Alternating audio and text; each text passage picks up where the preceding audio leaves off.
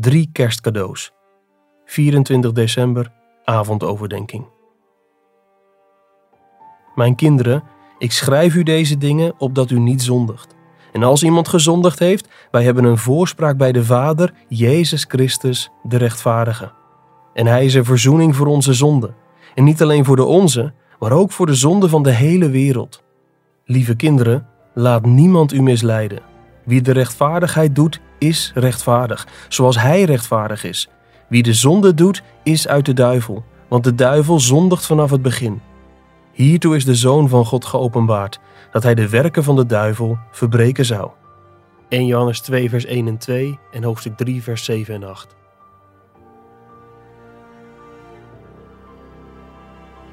Laten we samen de stand van zaken eens opnemen. De Zoon van God is in de wereld gekomen om je te helpen om niet langer te zondigen, om de werken van de duivel te verbreken. Hij is ook gekomen om te sterven, zodat er verzoening voor je is als je hebt gezondigd en de toorn van God niet meer op je rust. Als dit nu zo is, wat betekent dat dan voor de manier waarop je leeft? Dan gaat het om drie dingen die ik je in vogelvlucht laat voorbijkomen. Drie heerlijke kerstcadeaus die ik je graag wil meegeven. Het eerste cadeau, een duidelijk levensdoel. Het betekent dat je een duidelijk doel in je leven hebt. Als je het negatief formuleert, is het niet meer dan dit: niet doen wat tot oneer van God is. Ik schrijf u deze dingen opdat u niet zondigt. 1 Johannes 2, vers 1. Hiertoe is de Zoon van God geopenbaard, dat hij de werken van de duivel verbreken zou. 1 Johannes 3, vers 8. Misschien zeg je: kun je dat niet positief formuleren? Dat kan zeker. 1 Johannes 3, vers 23 vat dat heel mooi samen.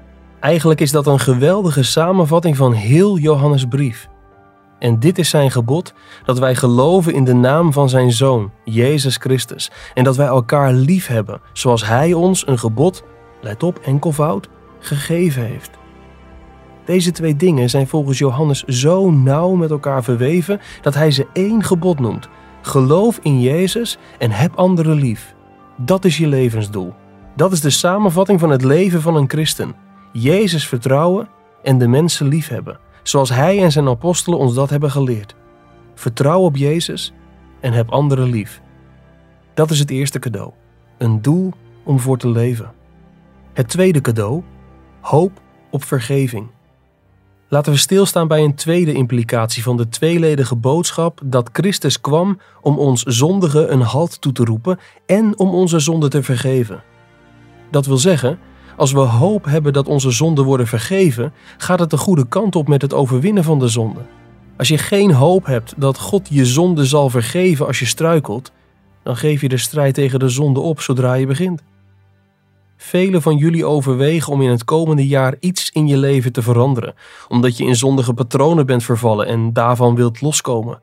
Je wilt een nieuw eetpatroon, een nieuw patroon als het gaat om entertainment en internetgebruik, een nieuw patroon als het om het geven gaat, een nieuw patroon in de omgang met je man of vrouw, een nieuw patroon in je huisgodsdienst of stille tijd, een nieuw patroon wat slapen en bewegen betreft, een nieuw patroon in je moed om te getuigen het zal een strijd blijven en je vraagt je af of goede voornemens eigenlijk wel zin hebben. Hier is je tweede kerstcadeau. Christus is niet alleen gekomen om de werken van de duivel te verbreken, ons zondigen. Hij is ook gekomen om een voorspraak te zijn voor ons als wij struikelen in de strijd. En daarom smeek ik je, laat het feit dat jouw struikelen niet het laatste woord heeft, je hoop geven om te strijden. Maar pas wel op, maak van Gods genade geen vrijbrief om te zeggen: als ik toch mag struikelen en het allemaal niet uitmaakt, waarom zou ik dan nog strijden? Als je dat serieus meent en als je er ook naar blijft leven, ben je waarschijnlijk niet wedergeboren en heb je alle reden om te beven. Ik denk dat de meesten van jullie niet zo denken. De meesten van jullie willen strijden tegen zondige patronen. En dan zegt God tegen je: laat het feit dat Christus jouw struikelen bedekt, je hoop geven om te strijden. Ik schrijf je deze dingen opdat je niet zondigt. En als je gezondigd hebt, wij hebben een voorspraak bij de Vader, Jezus Christus. Het derde cadeau. Christus zal ons bijstaan. Tot slot de derde implicatie van de dubbele waarheid dat Christus is gekomen om ons zondigen een halt toe te roepen en onze zonden te vergeven.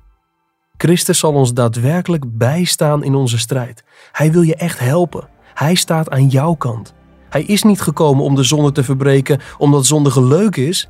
Hij kwam de zonde verbreken omdat zondige fataal is, dodelijk. Zonde is een leugen van de duivel die ons zal vernietigen als we er niet tegen strijden. Jezus is gekomen om ons bij te staan, niet om ons pijn te doen. En dit is dus je derde kerstcadeau. Christus zal je bijstaan om de zonde in jezelf te overwinnen. Johannes schrijft: Hij die in u is, is groter dan hij die in de wereld is. 1 Johannes 4, vers 4. Jezus is almachtig en hij leeft in ons door het geloof. Hij is niet tegen ons, hij is voor ons. Ook in het nieuwe jaar zal hij je bijstaan in je strijd tegen de zonde.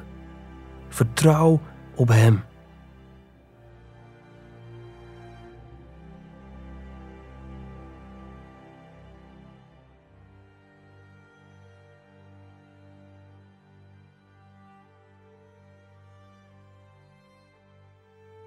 Je luisterde naar een overdenking uit het boek Onwankelbare Vreugde van John Piper. Het boek bevat 50 ochtend- en avondoverdenkingen voor Advent om je te helpen Christus centraal te stellen. Ga naar de webshop van Geloofstrusting om het boek te bestellen of ga naar onwankelbarevreugde.nl voor een online dagboek voor het hele jaar.